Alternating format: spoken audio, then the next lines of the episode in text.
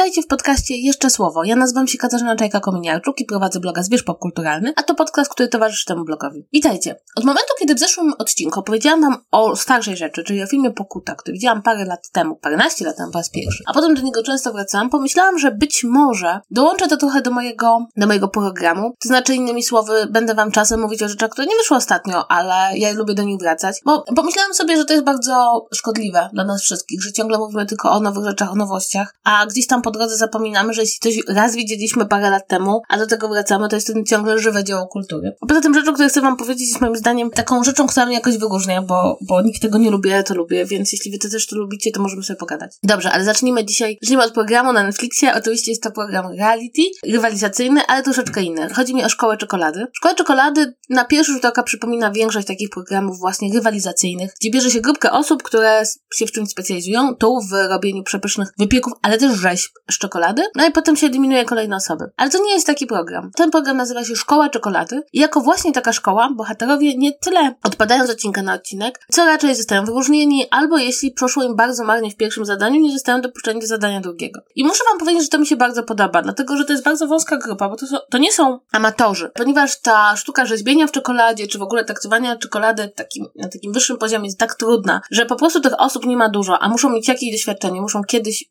po prostu już tą czekoladą pracować, żeby w ogóle ogarnąć co i jak, no to to są profesjonaliści, więc ich nie ma jakoś tak bardzo dużo. No to trochę tak jak z tymi dmuchaczami szkła, prawda? No nie ma milionów dmuchaczy szkła. Jeśli chodzi o konkursy, gdzie się śpiewa czy tańczy, to, to zawsze można znaleźć ludzi, którzy są w tym dobrzy. No ale to jest bardzo wyspecjalizowane, no ale nie odpadają. W związku z tym bardzo szybko zaczynamy jakby oglądać to z jednej strony, jeśli chodzi o te niesamowite rzeźby z czekolady, jakie robią i zaczynamy oceniać, czy coś tam, nie wiem, jest wystarczająco dobrze stężałe, czy nie, ale jednocześnie poznajemy tych bohaterów, lubimy ich, dostrzegamy pewne cechy ich charakteru, a że oni są ze sobą jakby dłużej niż by to wynikało z takiego normalnego programu, no to bardzo szybko orientujemy się, że oni wchodzą właśnie w taką dynamikę trochę klasy. Czyli powiedzmy, jeśli ktoś wygrywał kilka różnych zadań, to od razu staje się pupilkiem nauczyciela i wszyscy rozmawiają, czy mu się to należało. Albo bardzo szybko wychodzą właśnie jakieś takie animozje, które się ciągną. Ten program nie zachęca do tego. On jest bardzo mało dramatyczny pod tym względem. Jest moim zdaniem bardzo fajnie poprowadzony. Tak właśnie też jakby trochę z punktu widzenia edukacyjnego dla tych osób, ale takiej dobrej edukacji, tak? Która zachęca, która poprawia, ale nie każe za bardzo, za, za różne błędy. No i w każdym razie muszę powiedzieć, że to się super ogląda. Z tego wszystkiego to jest bardzo dobrze zmontowany program. I nie chodzi tylko o to, że dowiadujemy się, że oni nad tymi rzeźbami pracują kilkanaście, prawie kilkadziesiąt godzin i jakby to jest fajne, bo ja bardzo nie lubię w tych programach, jak wszystko mają zrobić w trzy godziny. No i oczywiście, że mi wychodzi, bo pewnych rzeczy w trzy godziny nie da się zrobić. Tu mają bardzo dużo czasu, ale tego się nie czuje, jak się to ogląda. A jednocześnie jest taki jeden odcinek, w którym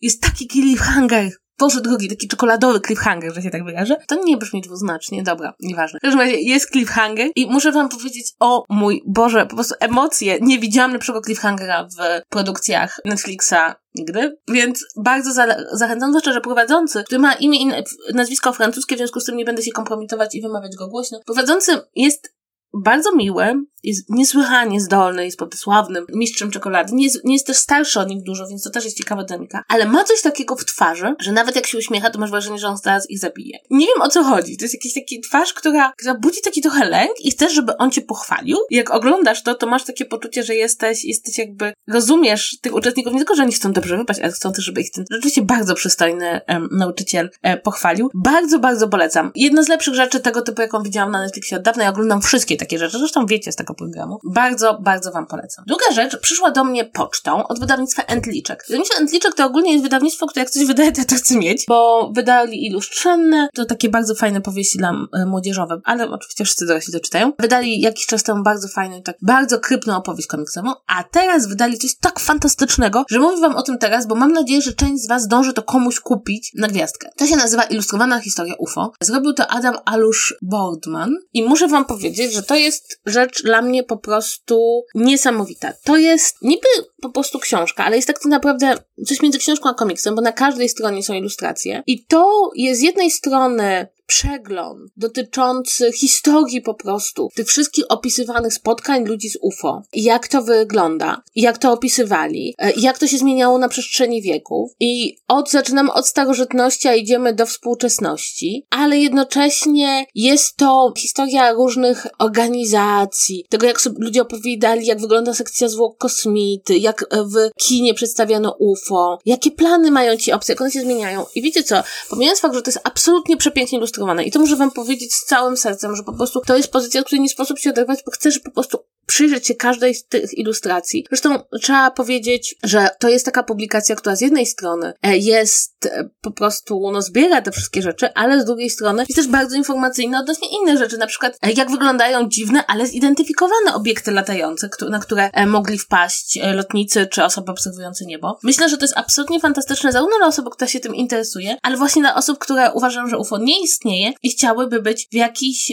sposób wtajemniczone w to, jak to wygląda. Dla każdego, kto się w ogóle interesuje kulturą popularną, w której, zwłaszcza amerykańską kulturą popularną, bo to jest koncentrowane no, w pewien sposób na Ameryce, ale to jest ważne i wydaje mi się, że to jest takie kluczowe, że to jest pozycja, która jakby to opisuje, to kataloguje, to pokazuje, ale jednocześnie utrzymuje bardzo fajny taki dystans. To znaczy, to nie jest UFO istnieje, tylko to ludzie opowiadali, to ludzie widzieli, ale na przykład pokazuje też badania naukowe nad szukaniem życia pozaziemskiego, które prowadzimy. Więc muszę wam powiedzieć, fantastyczna rzecz, przepięknie wydana. W ogóle mam, mam wrażenie, że to jest taka pozycja, która daje niesamowitą radochę ludziom, którzy, do których trafi. Możecie to kupić dla siebie i spędzić na tym dobrych parę godzin, bo choć pozycja nie jest bardzo gruba, to bardzo zachęca do tego, żeby uważnie ją czytać, zaglądać na tę stronę, ale jeśli na przykład znacie kogokolwiek, kto jest tym zainteresowany i chcecie mu podarować coś, o czym wiecie, że nie jest szurskie, za przeproszeniem, to bardzo, bardzo polecam. W ogóle strasznie fajna rzecz. Ja uwielbiam tego typu pozycje. Znaczy takie pozycje, które w jakiś sposób przekraczają granice tego, co tak prosto dzielimy. To jest książka, to jest komiks, a to jest powieść graficzna, a to jest właśnie takie coś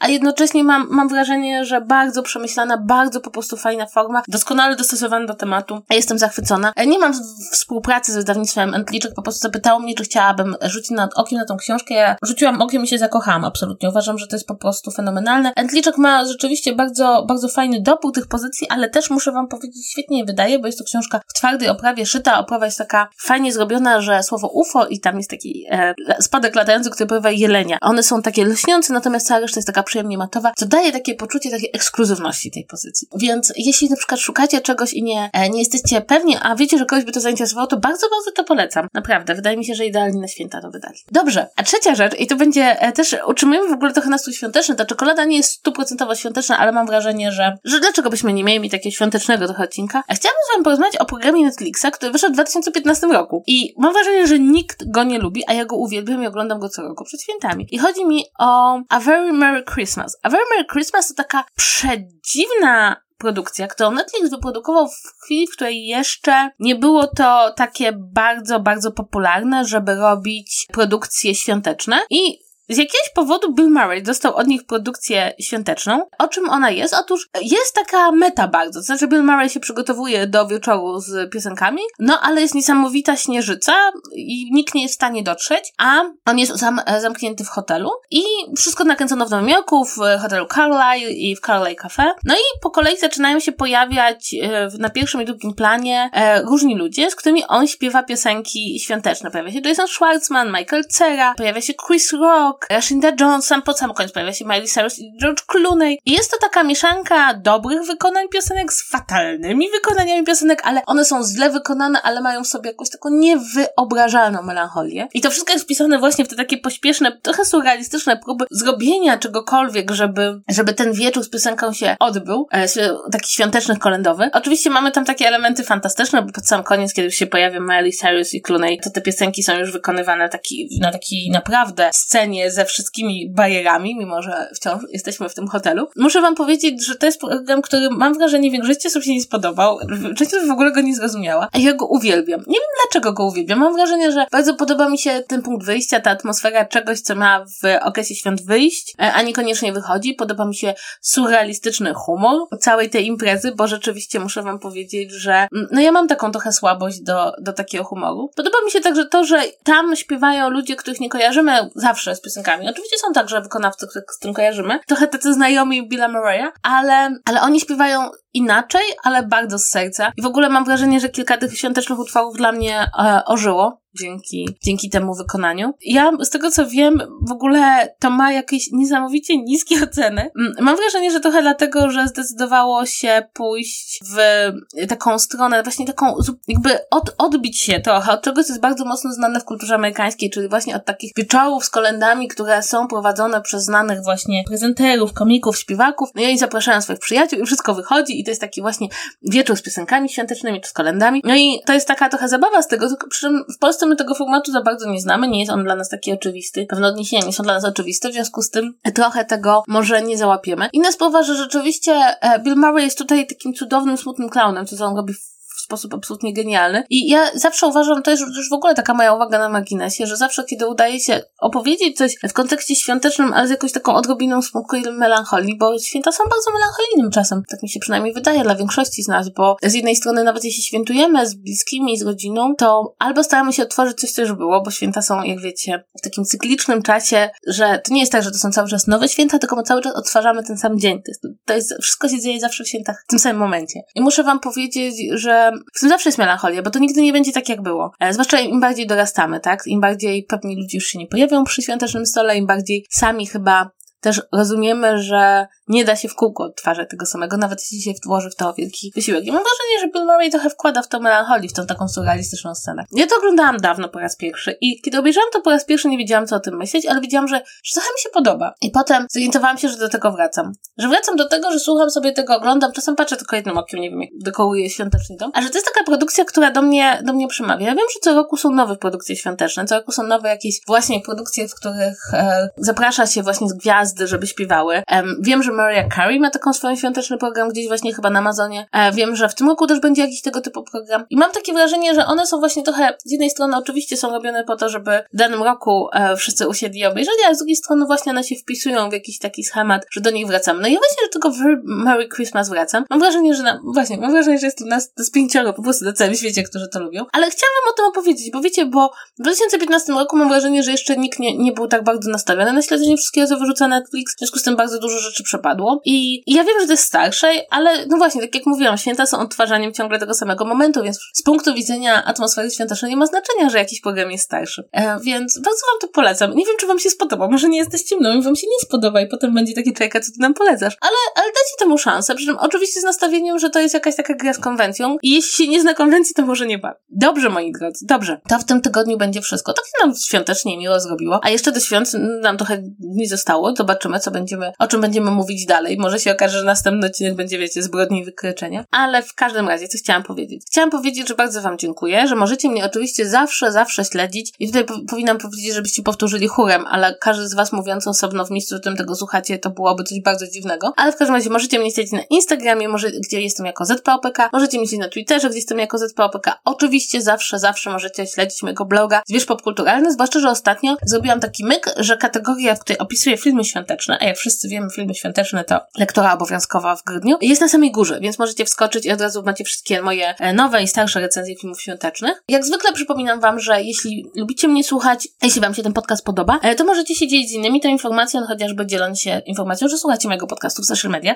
A tutaj w ogóle chciałam Wam powiedzieć, bo okay, tak się słyszymy w takim momencie, kiedy jesteśmy po Spotify Wrapped, w czasie którego dowiedziałam się bardzo dużo o Was, e, przynajmniej tych, którzy słuchacie mnie na Spotify. Pozdrawiam Was serdecznie. Wszystkich innych też pozdrawiam, żeby nie było. No i dowiedziałam się, że jest Was dużo więcej niż myślałam i też jest bardzo dużo osób, które słuchają każdego odcinka, za co wam bardzo dziękuję, bo to jest, wiecie, taka, nie chcę powiedzieć, że to są prawdziwi słuchacze, to jest taka, wiecie, core grupa słuchaczy. Chciałabym, życzę wszystkiego najlepszego wszystkim, którzy słuchają mojego podcastu w urodziny, a było chyba 60 takich osób, więc wszystkiego najlepszego, nieważne kiedy obchodziliście tą godzinę. I ogólnie to było takie strasznie miłe, bo wiecie, bo oczywiście ja widzę statystyki, ja wam widzę w tych statystykach, ale no, cały czas człowiek się zastanawia, czy ten podcast jest dla ludzi ważny. I ja się, boże, jak ja, ja ciągle się wzruszam, jak, jak nagrywam ten podcast. Ale właśnie to Spotify Wrapped to jest taki moment, kiedy po prostu się widzi, gdzie się jest na tych różnych e, rankingach, no i było was dużo, dla których mój podcast jest ważny, więc bardzo, bardzo Wam dziękuję. A na końcu jeszcze taka mała autoreklama, bo jeśli lubicie mój głos i w ogóle jeśli trochę tęsknicie za moimi innymi projektami podcastowymi, to wróciło w tym piosenka, czyli mój podcast, który prowadzę z Patrycją Muchą, podcast o musicalach, już pojawił się pierwszy odcinek, już mamy na, za, nagrany, znaczy nagrany, zaplanowany, w ten sposób nagrany. E, odcinek drugi, który będziemy kręcić prawdopodobnie w przyszłym tygodniu, więc myślę sobie, że, że fajnie, że jeśli, jeśli Wam trochę brakuje tego, co mówię, no to tam, tam mnie na 100% znajdziecie. Mam nadzieję, że uda nam się wrócić niedługo szczytu czytu. Trochę tak zaczynamy rozmawiać może o styczniu, ale no wiecie, dzieci, praca, geografia Warszawy, to wszystko trzeba będzie pokonać, ale mam nadzieję, że nam się uda i że już w następnym roku będziecie mnie mogli słuchać nie w jednym, nie w dwóch, a w trzech podcastach, zastanawiając się, kiedy Czajka śpi. No dobrze, to tyle. Do usłyszenia za tydzień. Pa, pa!